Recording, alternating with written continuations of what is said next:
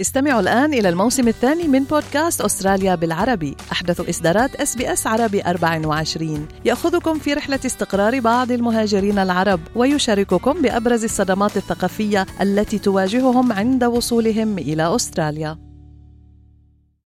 أنتم برفقة إس بي إس عربي 24 اكتشفوا المزيد من القصص العظيمة على sbs.com.au arabic. من مراسلينا. أهلا بكم في رحلتنا الأسبوعية إلى العاصمة بيروت. أنا بترا توق الهندي. وأنا سليم الفهد وينضم إلينا على الهواء مباشرة من بيروت مراسلنا هناك أنطوان سلامة. صباح الخير عليك أنطوان. صباح النور. صباح النور عليك يا أنطوان يا هلا فيك. نعم. خلينا نبدأ تقريرنا الأسبوعي من بيروت وأنطوان سلامة. آه، أنطوان يعني حسب آخر التطورات تمكنت القوى الأمنية من تحقيق إنجازين مهمين وهي كشف المتهمين بقتل الشيخ أحمد الرفاعي وأيضا تحرير الشاب المخطوف ميشيل مخول. ما آخر تطورات في ذلك؟ ما يمكن تفاصيل هذا الملف؟ آه، يمكن القول كما ذكرت أنه الأجهزة الأمنية خصوصا فرع المعلومات في قوى الأمن الداخلي ومخابرات ال- ال- الجيش حققا إنجازين خصوصا أن فرع المعلومات سارع إلى الكشف عن حقيقة قتل الشيخ الرفاعي الذي كانت ملابسات خطفه أثارت توترا في منطقة عكار شمال لبنان امتدادا إلى مناطق لبنانية أخرى. نتيجة انتشار الشائعات على مواقع التواصل الاجتماعي عن خلفية سياسية وراء اختطافه وقتله ولكن اتضح آه، أن ليس هناك آه، آه، خلفيات سياسية في الموضوع فرع المعلومات سرع في البحث إلى حين العثور على جثته ونشر نتائج التحقيقات الأولية مع المتهمين الذين أحيلوا إلى القضاء. هذه القضية تفاعلت كثيرا حتى أن رئيس حكومة تصريف الأعمال نجيب ميقاتي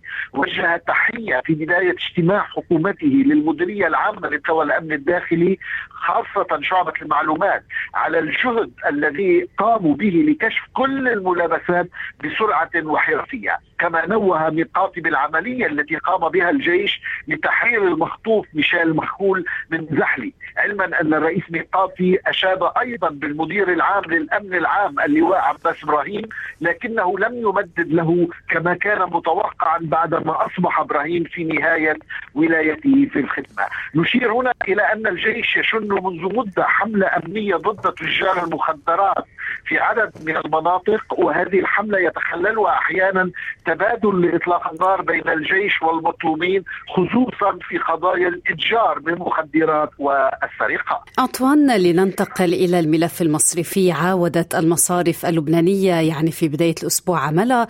بعد إضراب استمر ثلاثة أسابيع. اليوم تتجه الأنظار إلى النتائج المترتبة عن هذه الخطوة سيما تأثيرها يعني على ارتفاع سعر صرف الدولار مقابل الليرة اللبنانية ما جديد الملف المصرفي؟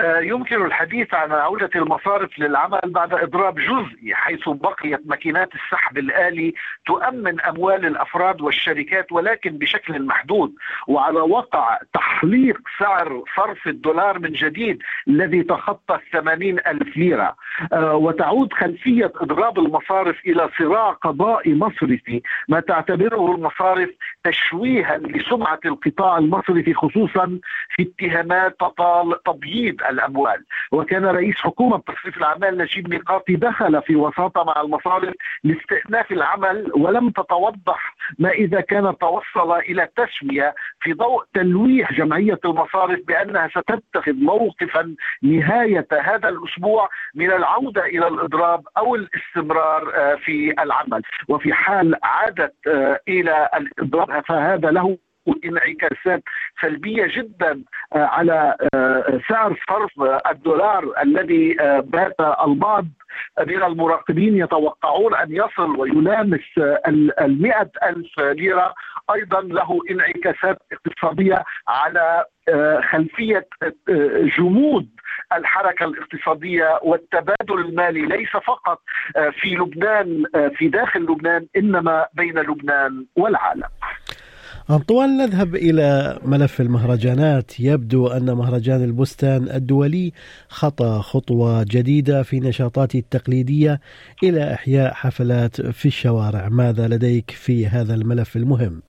آه، صحيح موسيقى الشارع في عين المريسي في بيروت آه، محطة ثقافية جديدة أرادها مهرجان البستان الدولي لتكون الموسيقى الكلاسيكية في متناول رواد الكورنيش البحري آه، في عين المريسي بيروت والعابرين في سياراتهم والمشاة قرب هذا الكورنيش ليتناسوا ثقل الحياة اليومية. موسيقى الشارع نشاط جديد يعزز مهرجان البستان من خلال إيقاعات السلام وهو عنوان المهرجان وغايته الفضلى أيضا تعزيز المقاومة الثقافية في وجه الانحدار.